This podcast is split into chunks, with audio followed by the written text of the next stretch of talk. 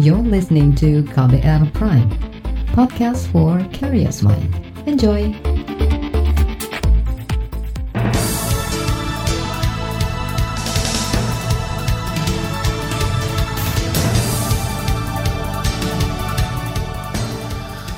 Selamat pagi saudara, senang sekali kami bisa menjumpai Anda kembali melalui program Buletin Pagi edisi awal pekan Senin 27 Juli 2020 bersama saya Agus Lukman.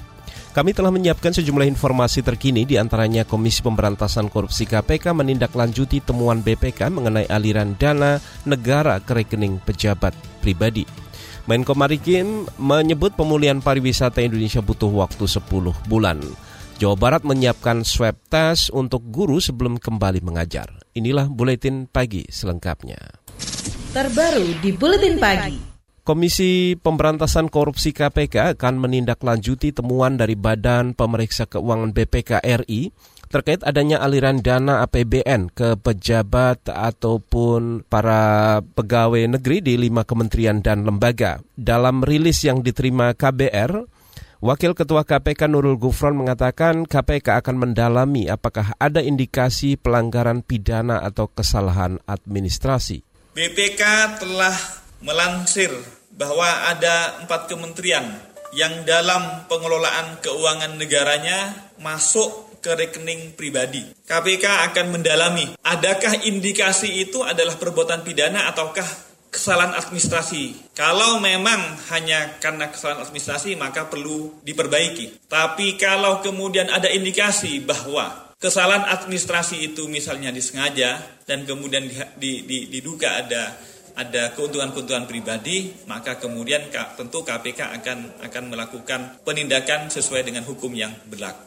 Itu tadi Wakil Ketua Komisi Pemberantasan Korupsi KPK Nurul Gufron. Sementara Ketua KPK Firly Bahuri mengatakan Deputi Penindakan KPK akan berkoordinasi dengan Badan Pemeriksa Keuangan BPK atas laporan pemeriksaan keuangan pemerintah pusat atau kementerian lembaga. Ia berjanji untuk menindaklanjuti laporan dari BPK tersebut. Firly mengatakan sinergi antara aparat penegak hukum dan kementerian lembaga dibutuhkan untuk mempertanggungjawabkan dana negara. Sebelumnya, Saudara, Badan Pemeriksa Keuangan BPK menemukan adanya aliran dana APBN ke sejumlah rekening pribadi pejabat di lima kementerian dan lembaga. Nilai transfer terbesar tercatat di Kementerian Pertahanan dengan total nilai lebih dari 48 miliar rupiah. Selain Kementerian Pertahanan, BPK menyebut aliran dana ke rekening pribadi pejabat juga terjadi di Kementerian Agama, Badan Pengawas Pemilu, Kementerian Lingkungan Hidup dan Kehutanan, dan Badan Pengawas Tenaga Nuklir atau Bapeten dengan nilai total sebesar 71 miliar rupiah. Di Kementerian Agama, dana APBN yang masuk rekening pribadi total mencapai 20-an miliar rupiah. Kementerian Agama, sebagaimana dikutip dari pernyataan resmi mengaku sudah menindaklanjuti temuan BPK tersebut. Salah satu temuan BPK adalah adanya aliran dana pengelolaan kas Kementerian Pertahanan yang masuk ke rekening pribadi pejabat pada tahun anggaran 2019 sebesar 48 miliar rupiah. Juru bicara Menteri Pertahanan Dahnil Anzar Simanjuntak mengatakan dana tersebut terkait dengan kegiatan atase pertahanan di seluruh dunia yang membutuhkan dana cepat. Daniel mengatakan proses izin pembukaan rekening dinas atasi pertahanan sudah disampaikan ke Kementerian Keuangan, namun ia mengeluhkan proses yang sama. Namun ia mengeluhkan proses yang lama. Dan itu sudah dimintai uh, izin ke Kementerian uh, Keuangan prosesnya. Namun karena prosesnya uh, lambat, kemudian butuh waktu, sedangkan kegiatan dan operasi pertahanan di sana dalam hal pelaksanaan diplomasi pertahanan, intelijen pertahanan dan macam-macam itu harus tetap berlangsung, maka kemudian dilakukan transfer itu. Juru bicara Kementerian Pertahanan Daniel Anzar Simanjuntak mengatakan, temuan BPK itu hanya terkait aliran dana ke rekening pribadi sehingga hal itu merupakan kesalahan administrasi. Ia menegaskan temuan itu bukan soal penyalahgunaan anggaran ataupun korupsi. Ia mengklaim Menteri Pertahanan Prabowo Subianto semenjak menjabat juga terus berupaya melakukan pembenahan dari segi administrasi termasuk mengenai rekening tersebut.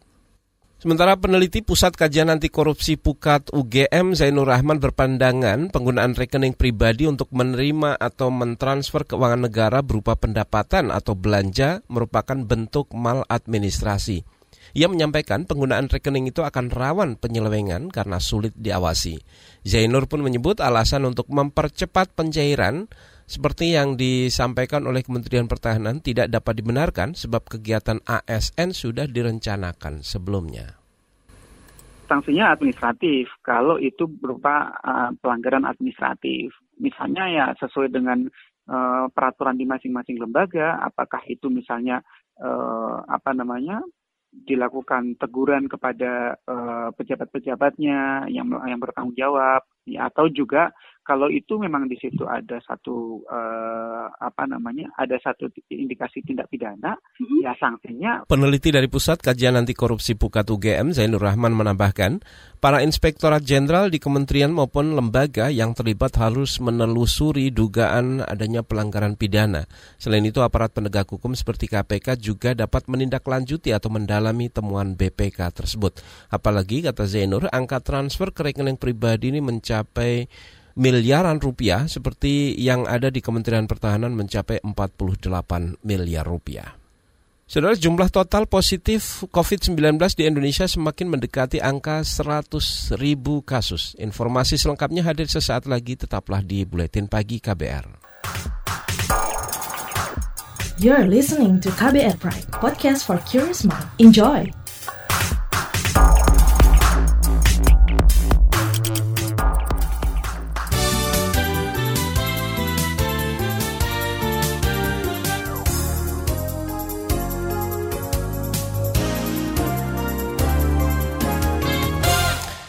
Beberapa sektor penunjang ekonomi di Indonesia diperkirakan memerlukan waktu yang lama untuk pulih gara-gara dampak pandemi COVID-19.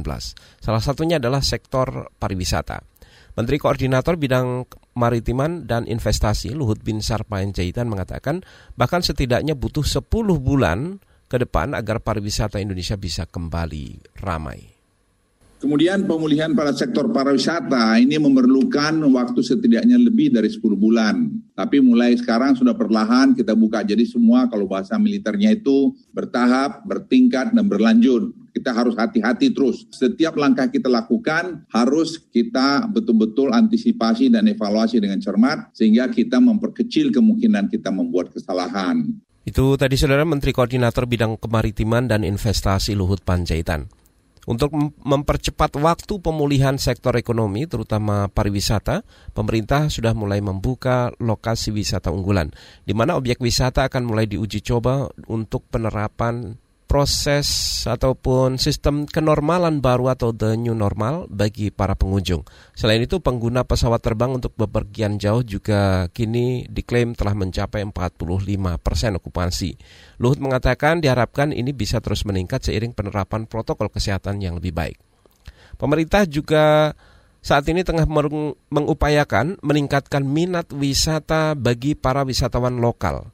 Ada perubahan kebiasaan untuk berwisata bagi wisatawan mancanegara di mana para wisatawan asing akan lebih memilih wisata ke negara tujuan langsung tanpa harus transit lebih dulu di negara lain. Karena itu, Luhut mengatakan pemerintah sedang berupaya menaikkan minat wisatawan lokal dari 55% persen sebelumnya menjadi 70% persen sampai ke tahap normal kembali. Beralih ke informasi COVID-19, Saudara anggota DPR RI Komisi Infrastruktur dan Perhubungan Ahmad Syaikhu mendorong agar pemerintah menyiapkan regulasi dan protokol kesehatan COVID-19 pada transportasi massal sebelum menerapkan kenormalan baru. Syaikhu mengatakan transportasi massal dan perkantoran dapat menjadi klaster baru saat new normal berlaku. Politisi dari PKS ini juga mendesak agar ada sinergitas antar kementerian dan lembaga dan kalau tidak ada sinergitas maka dikhawatirkan bisa membuat peraturan-peraturan yang ada menjadi saling berbenturan. Lakukan penutupan KRL yeah. di Jabodetabek. Yeah. Kepala-kepala daerahnya hampir semuanya meminta itu. Tapi di kementerian nggak mau melakukan penutupan itu. Jadi banyak hal-hal yang nggak sinkron antara pusat dan daerah, bahkan antar kementerian. Misalnya Kementerian Kesehatan dengan uh, Satgas atau Satgas dengan Kementerian Perhubungan. Anggota DPR dari Komisi Infrastruktur dan Perhubungan Ahmad Syaihu menambahkan agar perkantoran menyiapkan fasilitas kesehatan yang sesuai dengan protokol COVID-19. Misalnya penyediaan penyaritasi tangan, alat pengecekan suhu tubuh, dan bilik disinfektan. Ia juga meminta agar stasiun-stasiun, terminal bus, pelabuhan maupun bandar udara juga mematuhi protokol kesehatan dengan meminimalkan kontak fisik dan menjaga jarak aman. Sementara itu, saudara, Ikatan Dokter Anak Indonesia IDAI tidak merekomendasikan penggunaan masker pada anak di bawah usia 2 tahun.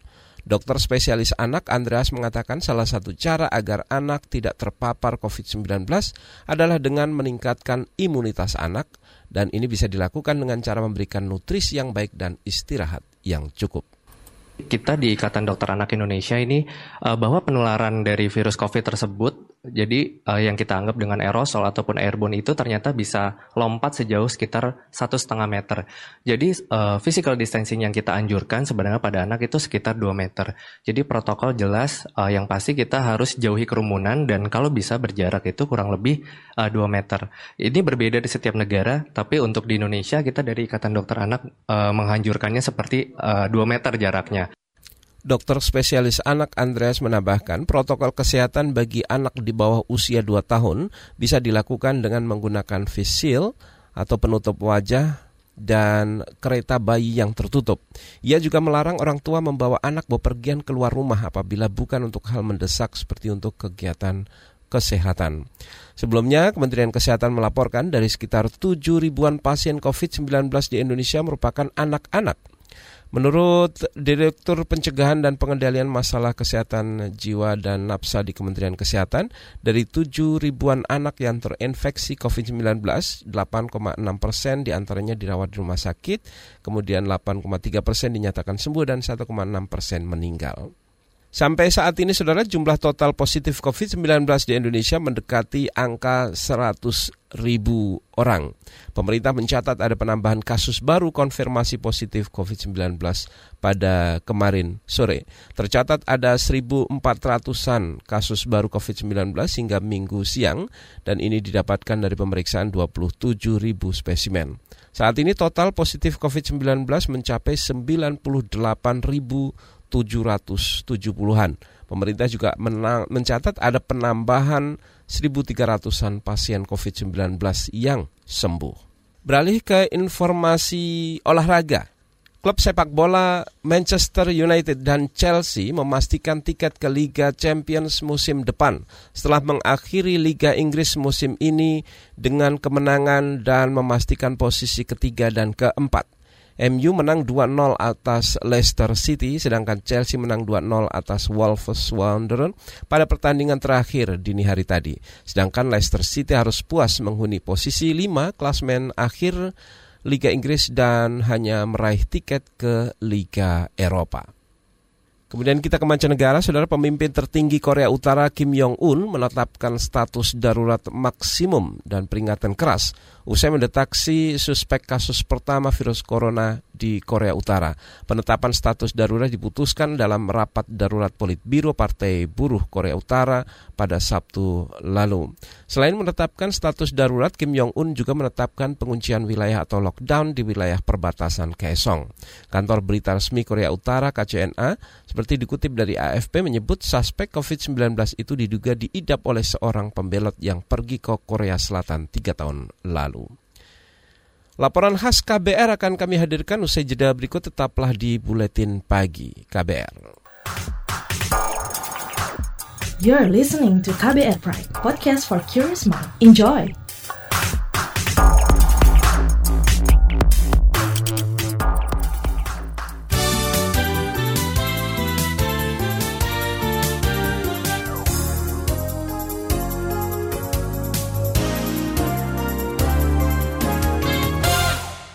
Terima kasih Anda masih bersama kami di Buletin Pagi KBR. Saudara, pandemi COVID-19 menghambat kerja pemberdayaan penyandang disabilitas. Salah satunya dirasakan rumah produksi kerajinan tangan Precious One. Usaha sempat ditutup berbulan-bulan terdampak pembatasan sosial dan ini merugikan difabel yang bekerja dan bekerja di sana.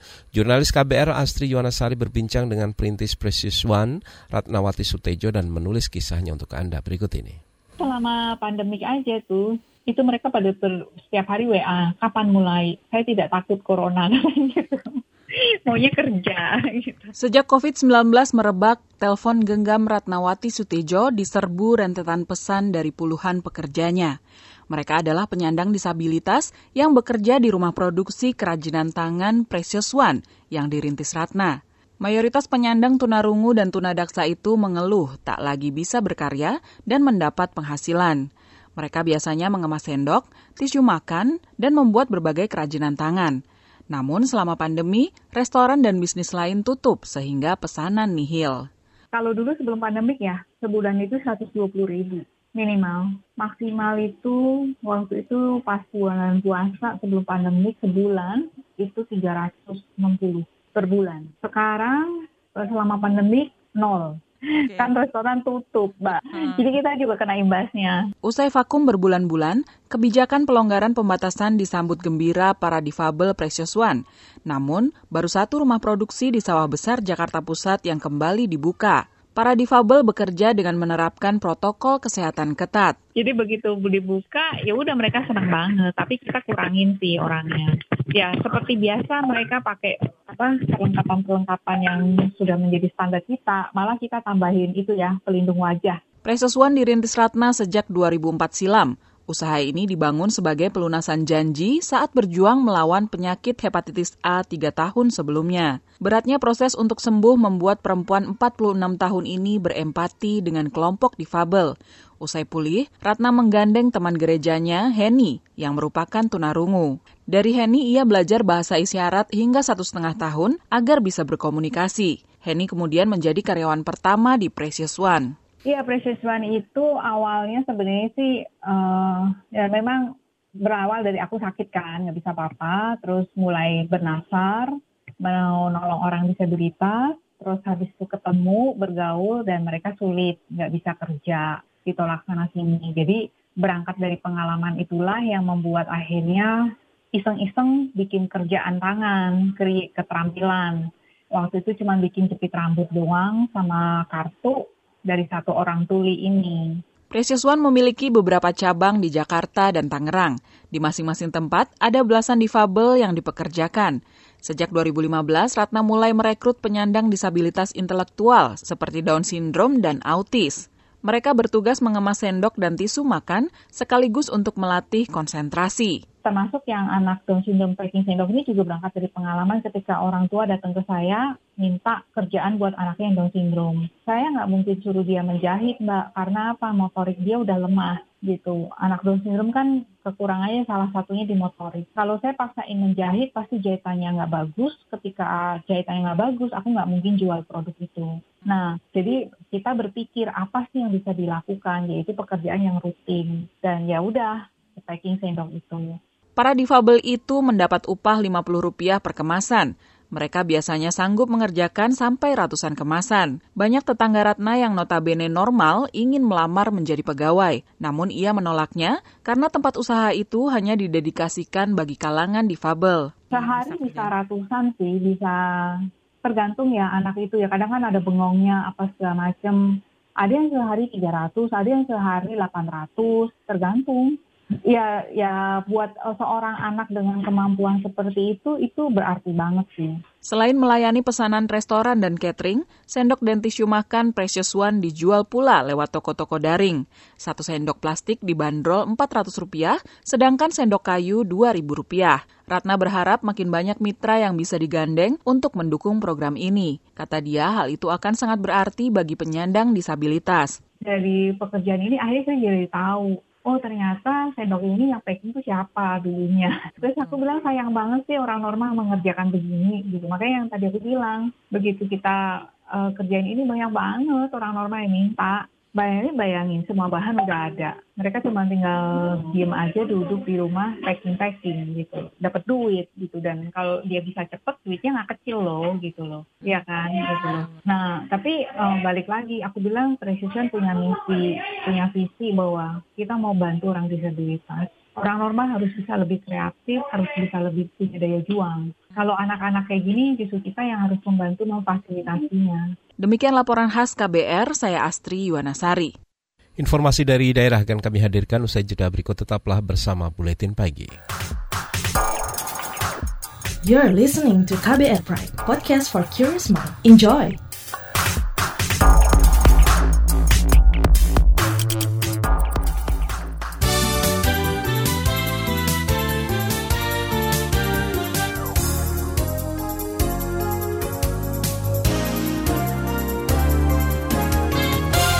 Kita berada di bagian akhir buletin pagi KBR, kita menuju ke Jawa Barat. Saudara pemerintah Provinsi Jawa Barat akan menyiapkan swab test gratis kepada para pengajar atau guru yang berada di wilayah dalam zona aman di Jawa Barat.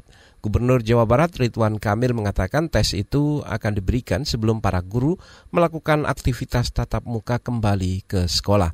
Hal itu dilakukan untuk meyakinkan bahwa proses belajar mengajar secara tatap muka di sekolah tetap aman. Ingin betul-betul yakin. Nah, salah satu pintu terakhir untuk meyakinkan itu setelah zona hijau adalah gurunya akan kita dites. Nah, tes ini akan difasilitasi semuanya oleh provinsi. Tinggal nanti ajukan berapa ribu dari uh, kota kabupaten yang akan melakukan itu. Setelah itu beres, baru anak-anak boleh masuk. Gubernur Jawa Barat Ridwan Kamil mengatakan sekolah-sekolah yang boleh mengajukan swab test untuk kembali mengadakan kegiatan belajar mengajar secara langsung hanyalah sekolah-sekolah yang berada di zona hijau. Selain itu, pemberlakuan kegiatan belajar mengajar secara tatap muka atau langsung akan dimulai dari jenjang SMA ataupun sekolah sederajat. Jika dalam evaluasi tidak menimbulkan masalah, maka akan diberlakukan untuk tingkat SMP, SD hingga PAUD. Ridwan Kamil juga mengingatkan walaupun para guru sudah melakukan swab test, namun protokol kesehatan juga harus tetap dijalankan dengan sangat ketat. Kita ke Jawa Tengah, Saudara Bupati Rembang Abdul Hafiz meniadakan rapat tatap muka setelah pejabat sementara Sekretaris Daerah Rembang Ahmad Mu'alif terpapar COVID-19. Abdul Hafiz mengatakan setiap hari ia terus memantau kondisi pejabat sekda melalui sambungan telepon dan ia juga meminta para pegawai yang melakukan kontak dengan sekda itu untuk segera menjalani pemeriksaan COVID-19. Setiap hari, setiap malam saya kontak-kontak dan saya bicara secara uh, kedinasan. Jadi dia masih masih melakukan kondisinya tidak terganggu dengan itu tadi Bupati Rembang Jawa Tengah Abdul Hafiz. Saudara berdasarkan data di pemerintah daerah Rembang hingga minggu kemarin jumlah warga yang terpapar COVID-19 di Rembang mencapai 197 kasus. Informasi tadi saudara menutup jumpa kita di Buletin Pagi hari ini. Pantau terus informasi terbaru melalui kabar baru, melalui situs kbr.id, Twitter di akun @beritaKBR serta podcast melalui kbrprime.id. Akhirnya saya Agus Lukman, kami undur diri. Salam.